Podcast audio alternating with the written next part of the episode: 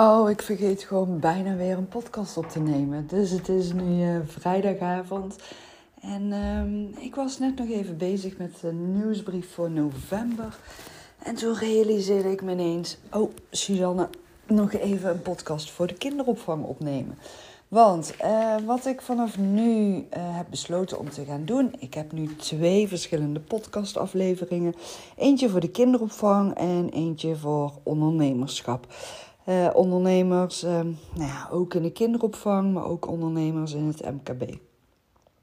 En wat ik nu heb bedacht vanuit mijn gevoel, is om de ene dag een podcast voor de kinderopvang te publiceren en de andere dag een podcast te publiceren over het ondernemerschap.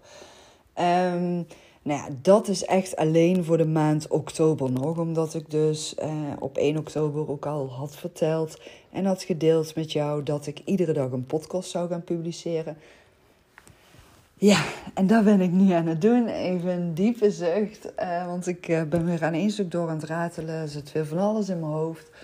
Maar um, ja, wat ik uh, vanaf november ga doen, daar ben ik nog niet uit. En daar ga ik ook gewoon lekker op mijn gemakje ervaren.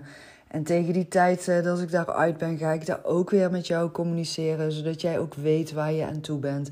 Want dat vind ik gewoon in alles wat ik doe super belangrijk. Oké, welkom bij de podcast Kinderopvang in de Praktijk. Ik ben Suzanne Akkermans en ik neem jou graag mee in de dagelijkse praktijk van de kinderopvang. En met de dagelijkse praktijk bedoel ik echt hoe kan je alles in de dagelijkse praktijk uitvoeren? Hoe kan je leiding geven aan een team? Hoe kan je ervoor zorgen dat doelen uit het pedagogisch beleid worden vertaald naar het pedagogisch handelen en dus zichtbaar worden, maar vooral ook dat pedagogisch medewerkers bewust worden van de doelen die er zijn. En dus de doelen vanuit het begrijpen gaan vertalen naar hun handelen. Want daar zit echt het belangrijkste aandachtspunt in. En ik weet, soms kan dat een enorme zoektocht zijn. Ik heb uh, inmiddels al 24 jaar ervaring in de kinderopvang zowel als pedagogisch medewerker, pedagogisch coach, leidinggevende en eigenaresse van een eigen kinderdagverblijf ben ik 22 jaar geweest. Ik geef ook de babytraining en ja, dat is ook volgens de wet IKK. En verder heb ik een uh, academie voor de kinderopvang waarin een uh, heel divers cursusaanbod uh, beschikbaar is. En um, op mijn website heb ik het ook allemaal beschreven. www.gewonsuzanne.com Kun je ook alles over al mijn cursussen terugvinden. Nou ja, en ik, ik noem het nu cursussen, maar het zijn eigenlijk helemaal geen cursussen. Het zijn vooral allemaal handboeken, werkboeken, checklisten waar je gewoon lekker mee in de praktijk kan gaan werken. Want ik geloof echt oprecht dat het een hele kunst is. En dat het soms een enorme zoektocht kan zijn naar hoe kan je nou toch ervoor gaan zorgen dat binnen een kinderdagverblijf, binnen een kinderopvangorganisatie, alle teamleden, um, dus ongeacht functie, weten wat er van hun wordt verwacht. En hoe kan je dat dan gaan overbrengen? Ik kom inmiddels op zoveel verschillende kinderdagverblijven en vooral heel veel kleinschalige kinderdagverblijven. In mijn beleving is er ook echt een wereld van verschil tussen kleinschalige kinderopvang en de grootschalige kinderopvangorganisaties. En nou ja, ik hou ook echt wel van die, die uh, diversiteit in de kinderopvang. En ja, wat mij toch ook wel opvalt bij die kleinschalige kinderdagverblijven, is er toch een op een hele andere manier.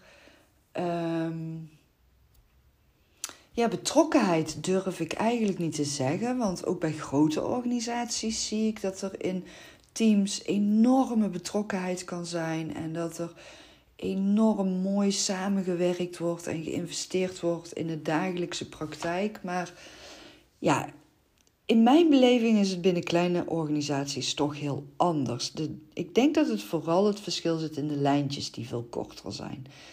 En nou ja, weet je, het is vaak ook uh, ondernemers met kleinschalige kinderdagverblijven die beginnen vanuit een passie een eigen kinderdagverblijf vanuit een droom. En vaak zijn het ook allemaal pedagogisch medewerkers geweest. En zijn ze in de beginjaren ook nog werkzaam als pedagogisch medewerker. Ook al zijn ze ook inmiddels die eigen kinderdagverblijf of dat eigen kinderdagverblijf gestart. En ja, als je, dat is tenminste mijn ervaring, als je als pedagogisch medewerker je eigen kinderdagverblijf gaat beginnen, dan uh, kijk je ook vaak echt vanuit die rol van pedagogisch medewerker. En je kijkt door die bril van die pedagogisch medewerker. En ik geloof ook oprecht dat daar een hele grote kracht in zit. Maar, dat is mijn ervaring en ik zie het ook terug bij de organisaties waar ik inmiddels allemaal op bezoek mag komen voor coaching en voor advies. Er zit ook een valkuil in. Uh, de valkuil is vaak ook dat je soms. Ja, je hebt je eigen werkwijze. En dat je soms gewoon zo mega zoekende kunt zijn in hoe ga ik mijn eigen werkwijze nou overbrengen aan het team? Hoe kan ik hun nou gaan leren dat ze het pedagogisch beleid begrijpen en vanuit begrijpen kunnen gaan toepassen? En als ik dan die vraag ga stellen aan een kinderopvangondernemer, dan krijg ik heel vaak terug van ja, ik heb het pedagogisch beleid meegegeven en dan kunnen ze gaan, hebben ze doorgelezen. Daar zijn geen vragen over gekomen. Oké. En dan denk ik terug aan mezelf. En nou, heel eerlijk, ik heb daar denk ik ook wel ruim, uh, nou zeker 18 jaar, 20 jaar over gedaan voordat ik ontdekte van, oké Suzanne, maar door die vraag te stellen zal je ook nooit vragen gaan ontvangen. Als je vraagt, als je een pedagogisch beleid op papier meegeeft en je stelt dan de vraag: zijn er vragen over? Nee, alles is duidelijk. En ja, ik ben de laatste dagen sowieso al vaker aan het benoemen dat het zo onwijs belangrijk is om specifieke vragen te stellen. En dat is in het pedagogisch beleid ook heel erg belangrijk. Nou ga ik even iets uitleggen en ik ga even voor mezelf een notitie maken dat ik hierop terugkom als ik dit heb uitgelegd, want anders vergeet ik het. Ik doe namelijk nooit een uh, podcastaflevering voorbereiden. Ik begin gewoon altijd gewoon te praten. Uh, maar ja, dus die vraag pedagogisch beleid is meegegeven. En daar zijn geen vragen over.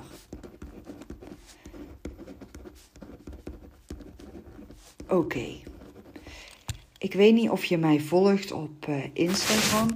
Ehm, ik heb dat trouwens mijn Insta-naam-account gewijzigd naar uh, Suzanne Akkermans. En Suzanne is gewoon S-U-S.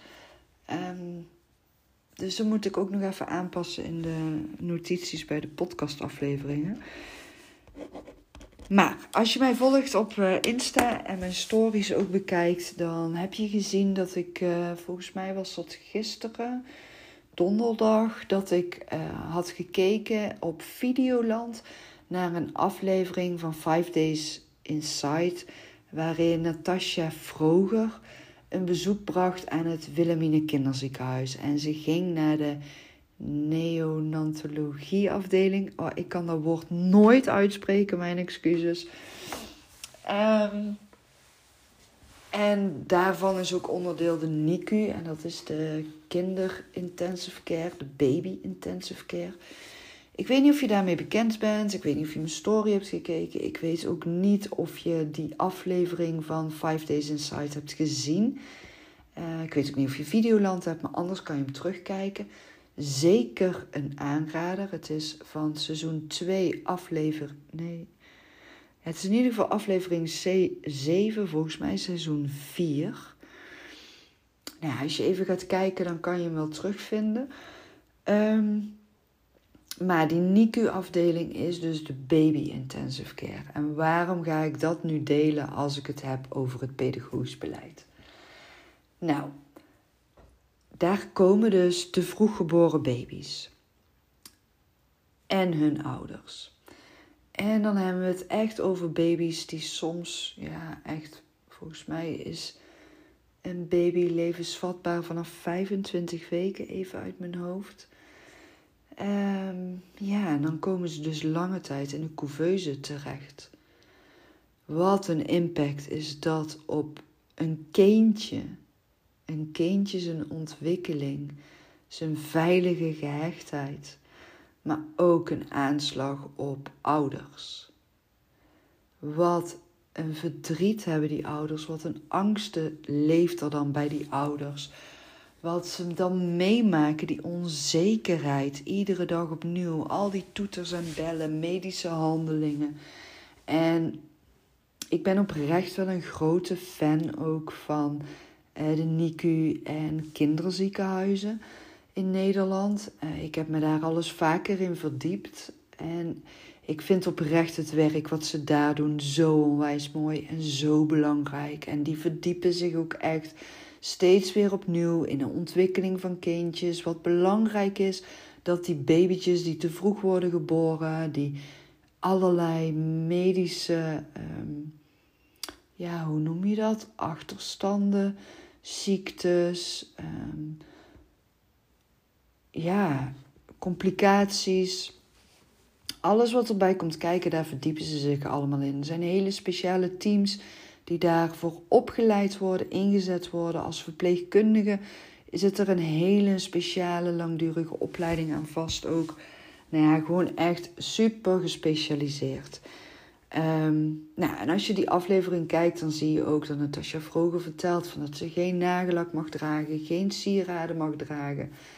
Um, ja, uh, verpleegkundige kleding aan moet doen, uh, mondkapjes op, uh, handen extra desinfecteren en wassen, geen deurklinken aanraken. Alles voor de veiligheid van die kindjes, voor de gezondheid van die kindjes. Je ziet ook dat ouders echt met de kindjes gaan buidelen. Dus dat de kindjes echt één op één huidcontact met de ouders maken. Want dat is zo belangrijk voor die veilige gehechtheid. Dus voor die hersenontwikkeling. Want die babytjes die zo vroeg worden geboren, die ervaren ook echt oprecht heel veel stress. En nou, als je mij al langer volgt, ik heb pas geleden ook een online training van Jessica uh, Boerema gevolgd. Ik volg haar ook op Insta en op LinkedIn, dus zoek haar zeker ook op. Zij heeft ook uh, in het ziekenhuis gewerkt, ook met de vroeggeboren baby's.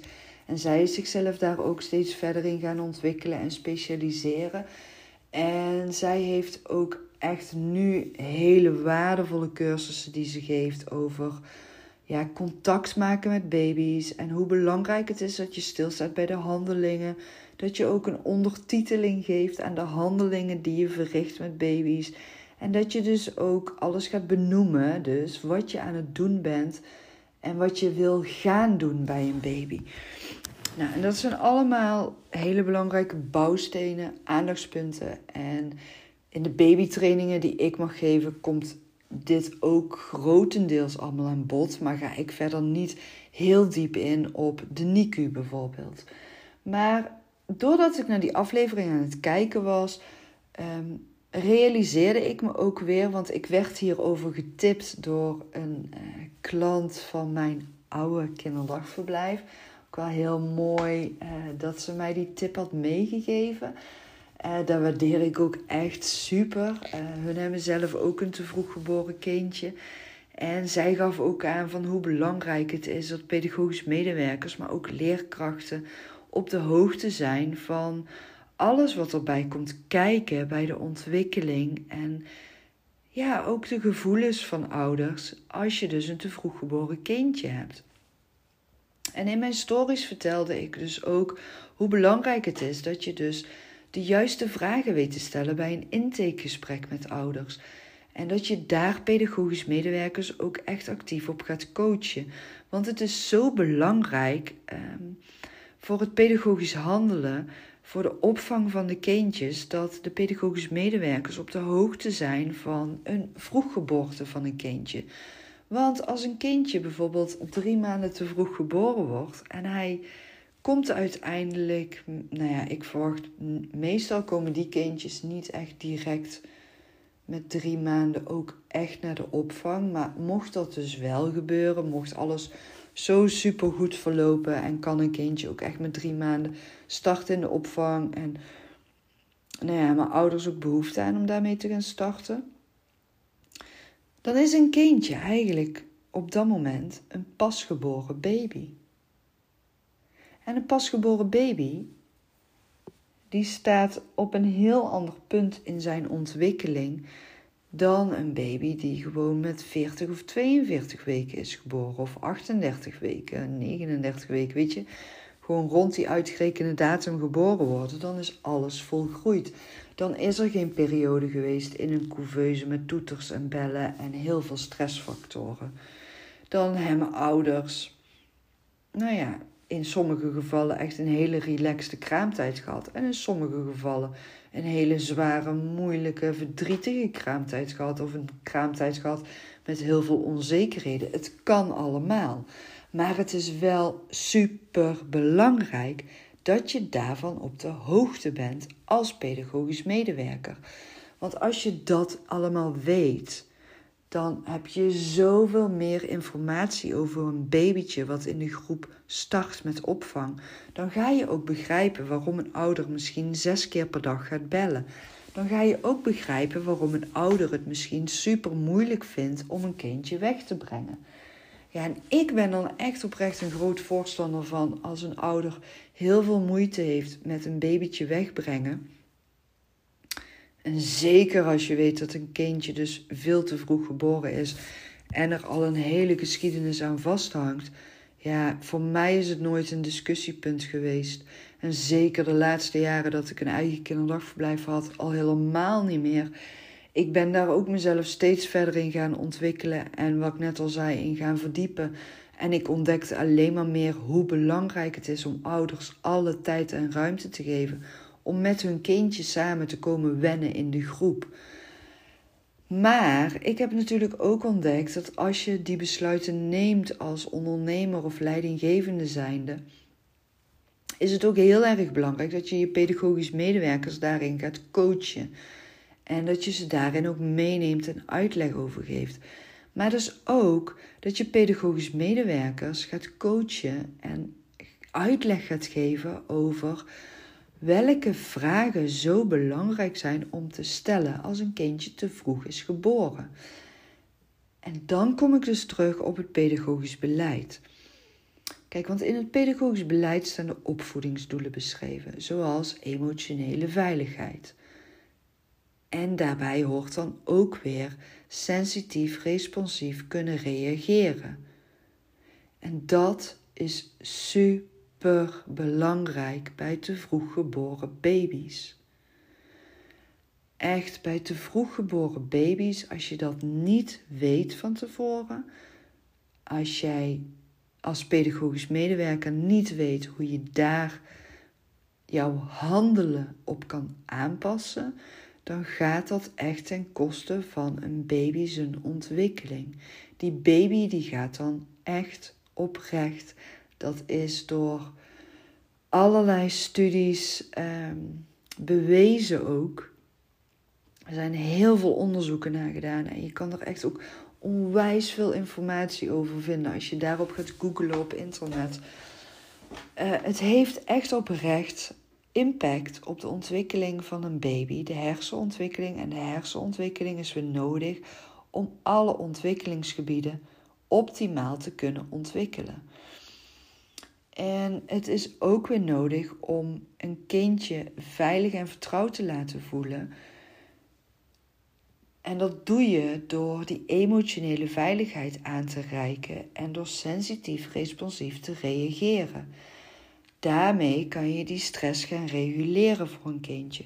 Een kindje wat uh, in een couveuse heeft gelegen, die horen heel de dag allerlei geluiden. En ik geloof dat ze daar inmiddels ook steeds verder in zijn gaan ontwikkelen. Daar weet ik op dit moment niet even alles over te vertellen, want daar heb ik me nu voor deze podcast niet verder in verdiept. Ik weet wel, ik heb daar echt al een hele tijd geleden een artikel over gelezen dat ze daar iets mee gingen doen. Maar ik zag bijvoorbeeld gisteren ook Ehm, in die aflevering van Five Days Inside dat een babytje in een MRI-scan ging met een koptelefoon op. En dat is dus ook heel bewust voor die prikkels die binnenkomen door alle geluiden die die baby's dan horen. En als dus een baby in een couveuse heeft gelegen en die komt dan in een kinderdagverblijf. In een kinderdagverblijf zijn ook heel veel geluiden.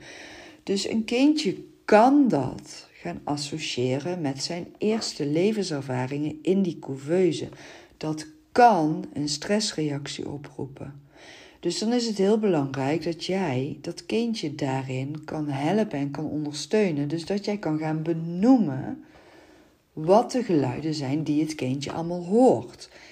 En ik krijg soms ook best wel uh, vragende blikken als ik dit uitleg met een babytraining of uh, tijdens de pedagogische coaching bij uh, pedagogische medewerkers die echt met baby's werkzaam zijn. Dan kan ik soms echt vragende blikken ontvangen. En is me echt ook de vraag stellen van ja, maar Suus, het zijn baby's. Hè? Moet je dan echt alles gaan uitleggen? Ja, dat moet echt.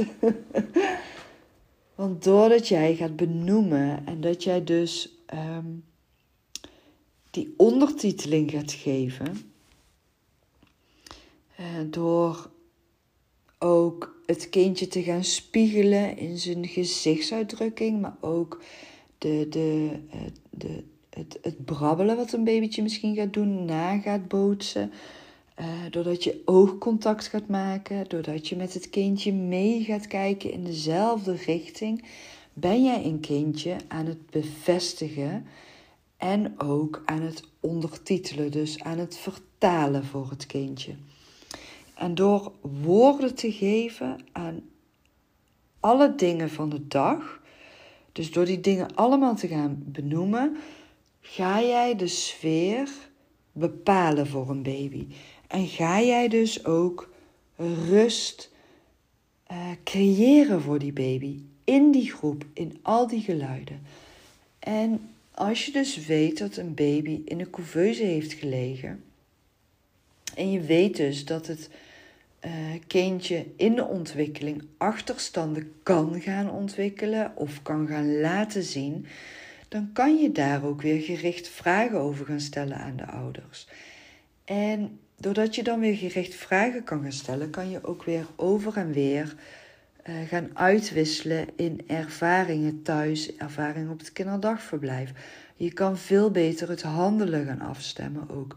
Maar je kan ook weer, als je dan een kindje gaat um, observeren ten aanzien van zijn ontwikkeling, dan ga je bijvoorbeeld niet bij die zes maanden ontwikkeling kijken, maar dan ga je kijken bij die drie maanden ontwikkeling van die baby. Want die baby is drie maanden te vroeg geboren. Dus als die baby zes maanden oud is, is die feitelijk gezien nog geen zes maanden oud qua ontwikkeling. En vaak, als een kindje uh, te vroeg geboren is, worden ze ook tot ongeveer de leeftijd van acht jaar gevolgd vanuit het ziekenhuis in hun ontwikkeling. Dus het is ook heel goed als je daarvan op de hoogte bent om ouders ook vragen te stellen van goh, zijn jullie nog op bezoek geweest in het ziekenhuis? Hoe vaak moeten jullie nog naar het ziekenhuis? Welke onderzoeken vinden er plaats in het ziekenhuis? Welke um, zijn er misschien ontwikkelingsverslagen vanuit het ziekenhuis die wij ook kunnen inzien, waar wij ook weer iets mee kunnen? Zijn er misschien vanuit het ziekenhuis fysio ingezet die voor ons ook weer tips kunnen meegeven? Want het is niet alleen maar uh, ervoor zorgen dat zo'n babytje zichzelf rustig en veilig gaat voelen. Het zit ook in de aanrakingen. Die kindjes zijn zo gigantisch vaak aangeraakt. Die hebben zoveel medische handelingen moeten ondergaan. Daardoor uh, kunnen die kindjes ook heel uh, gestrest gaan reageren op een verschoonmoment. Dus bij het verschonen is het ook weer super belangrijk om uit te spreken en te benoemen wat je gaat doen voordat je het gaat doen. Nou, en zo zijn er duizend en één dingen die super belangrijk zijn um, in jouw pedagogisch handelen bij te vroeg geboren kindjes. Nou ja, en ik ben even nu de aantallen uh, vergeten. Had ik misschien ook beter op kunnen schrijven. Maar ja, oké, weet je, Dat is niet hoe ik een podcast opneem. Ehm, dus nogmaals, ik geef gewoon nog een keer de tip mee. Ga terugkijken als je Videoland hebt. Echt een super waardevolle aanrader. En als jij met een team werkzaam bent en je bent als coach werkzaam, dan zou ik bijna willen zeggen: Weet je, ga met het hele team die aflevering terugkijken. En zet gewoon fragmenten even stil om ze met het team te gaan bespreken. Ga daarover in gesprek. Het is echt een super waardevolle aflevering waar je echt ook met teamcoaching heel veel mee kan doen. En dan zou ik het dus gaan koppelen aan het pedagogisch beleid. Nou, en dan komen we dus terug aan het begin van deze podcast. Je kan soms zo zoekende zijn in hoe kan je een pedagogisch beleid duidelijk gaan overbrengen en gaan vertalen naar je teamleden, zodat zij weten hoe zij het kunnen gaan toepassen in hun dagelijkse werkzaamheden. Dus die pedagogische handelingen. Nou, ik neem even een slokje water, want ik zit weer aan één stuk door te praten.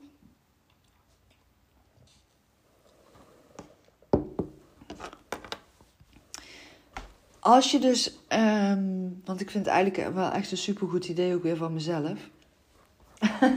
Wat me nu gewoon door deze podcast, dat ik denk van ja, weet je, als ik nog mijn eigen kinderdagverblijf had gehad, dan had ik echt eerstvolgende teamoverlegmoment deze aflevering van 5 Days Inside erbij genomen.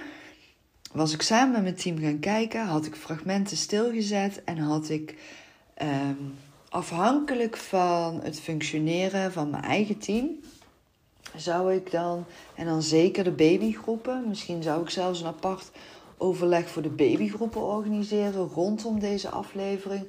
Maar weet je, het is ook belangrijk voor uh, peutergroepen, verticale groepen. Dus nee, ik ben even hard op aan het denken. Nee, ik zou het echt aan het gehele team gaan laten zien.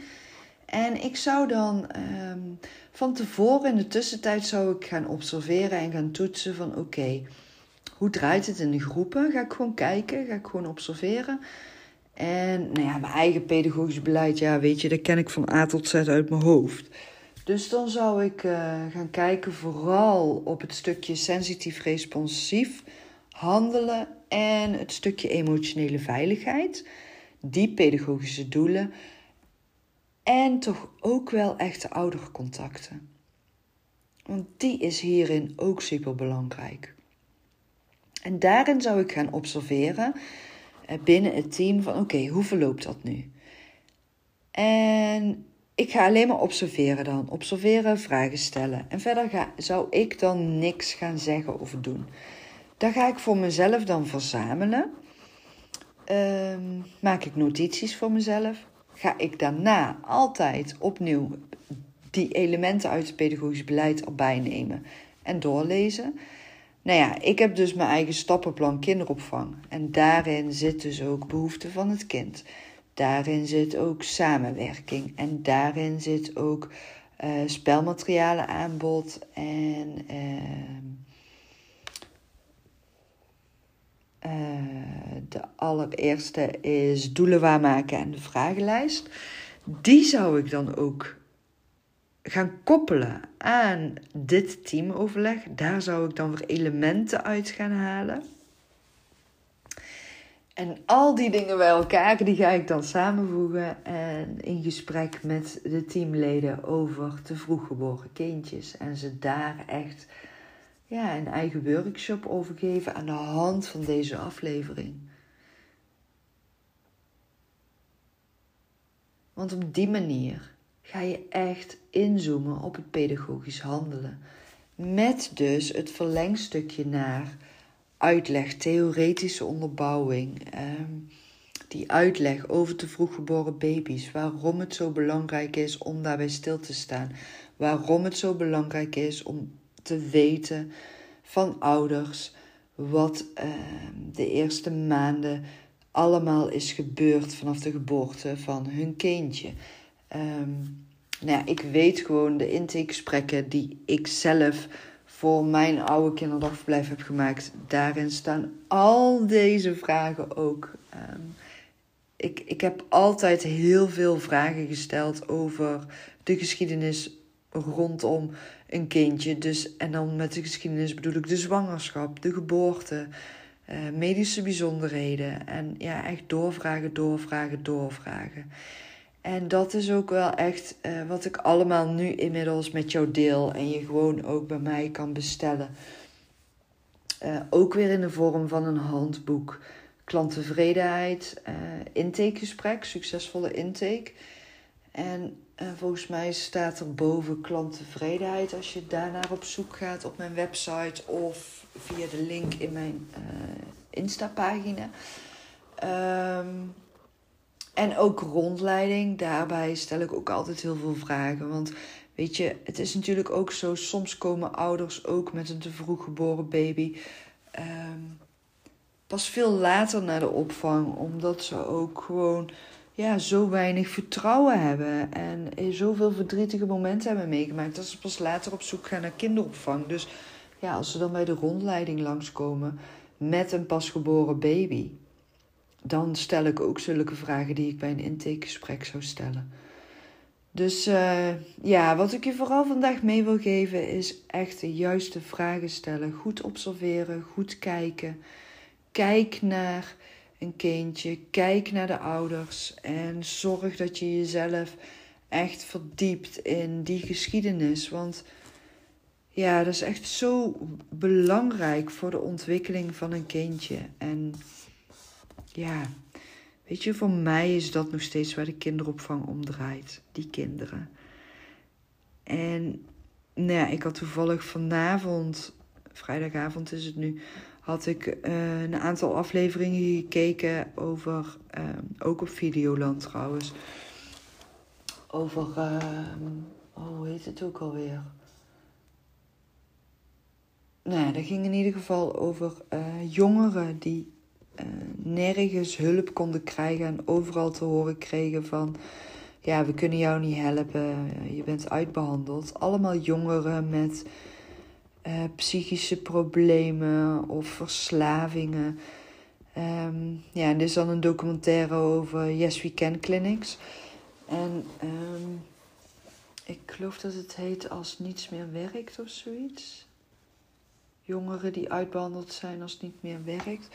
In ieder geval een programma van Ewoud. Nou, ook echt super interessant. Maar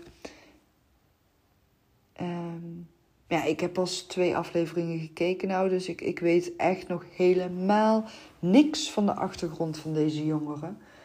Maar, weet je, ook daarin heb ik mezelf verdiept. En ik weet wel dat er een aantal bepalende factoren kunnen zijn uh, wanneer jongeren uh, te maken krijgen met verslaving, verslavingen of psychische problemen. En een van die oorzaken kan ook, weet je, het hoeft niet, maar het kan wel ook te maken hebben met vroeggeboorte.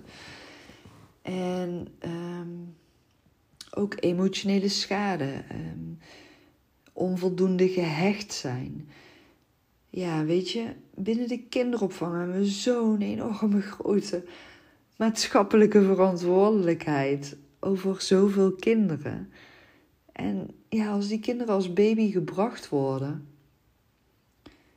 is zo belangrijk om echt stil te staan bij die veilige gehechtheid van al die babytjes en kleine kindjes in de groepen.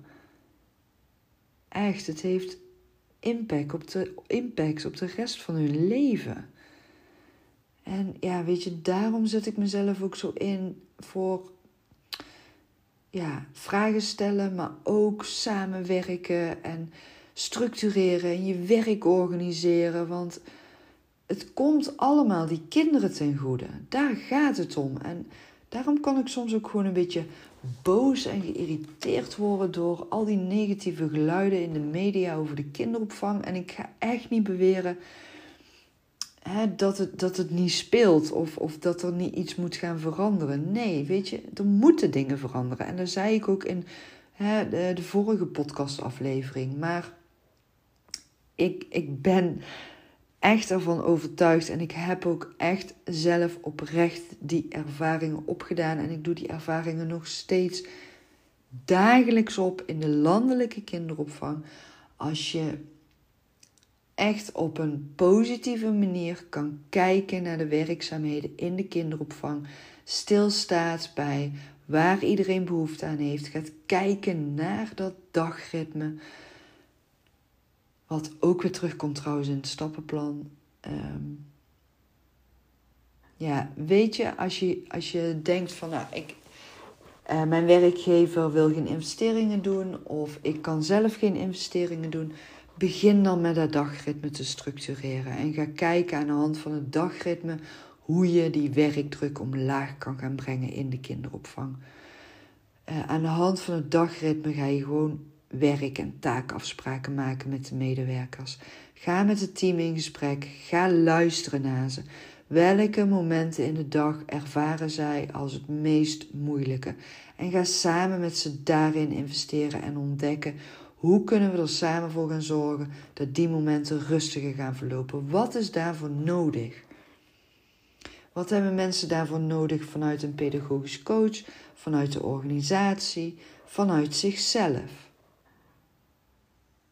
En vanuit de directe collega's. Weet je, dat heeft allemaal invloed op elkaar. En dat is ook waar ik allemaal op inga met de stappenplan kinderopvang. Maar ja, weet je, ik weet ook dat het een, een grote investering kan zijn. En ik weet ook dat niet alle werkgevers er open voor staan. Dus ja. Ik hoop gewoon oprecht dat. Uh, ja, dat je sowieso deze podcastaflevering je ogen heeft geopend en je nieuwe ideeën heeft gebracht, inspiratie heeft gebracht, waarmee jij ook weer, ja, in ieder geval meer kinderen kan gaan helpen in zichzelf veilig en gehecht gaan voelen. Daar hoop ik oprecht. En als je er vragen over hebt, hoor ik het graag. Stuur me een DM-bericht. Uh, mijn Insta-account is dus inmiddels gewijzigd. Ik zal het ook in de notities bij deze aflevering zetten, uh, zodat je het even kan teruglezen. En um, nou ja, ik heb uh, ook sowieso mijn cursuspagina op Insta, kinderopvang in de praktijk. daar kun je ook alles terugvinden. Um, op een of andere manier kan ik mijn podcastafleveringen daar niet rechtstreeks op delen. Dus dan moet ik ook nog even zelf uitvogelen hoe ik dat ga doen. Maar ja, sowieso als je mij eh, op Suzanne Akkermans eh, Insta-account volgt, dan uh, zie je daar ook alles voorbij komen. En daar kan je me zeker ook openbaar in taggen. Dan weet ik ook wie er naar mijn podcast heeft geluisterd. Dat waardeer ik echt enorm. Vind ik ook heel erg leuk om te weten. En ja, als je specifieke vragen hebt om uh, een podcastaflevering over op te nemen, laat het mij dan ook even weten. Want ik uh, stem graag af op jouw behoeftevraag. Zodat ik jou vooruit kan helpen. Waardoor ik uiteindelijk ook weer via jou heel veel pedagogisch medewerkers en kleine kinderen kan bereiken. En daar doe ik het voor. Dankjewel voor het luisteren. En ik wens je nog een onwijs fijne dag, middag, avond. Fijn weekend. Nou ja, maakt niet uit wanneer je hem ook luistert. Fijne dag. Tot de volgende keer.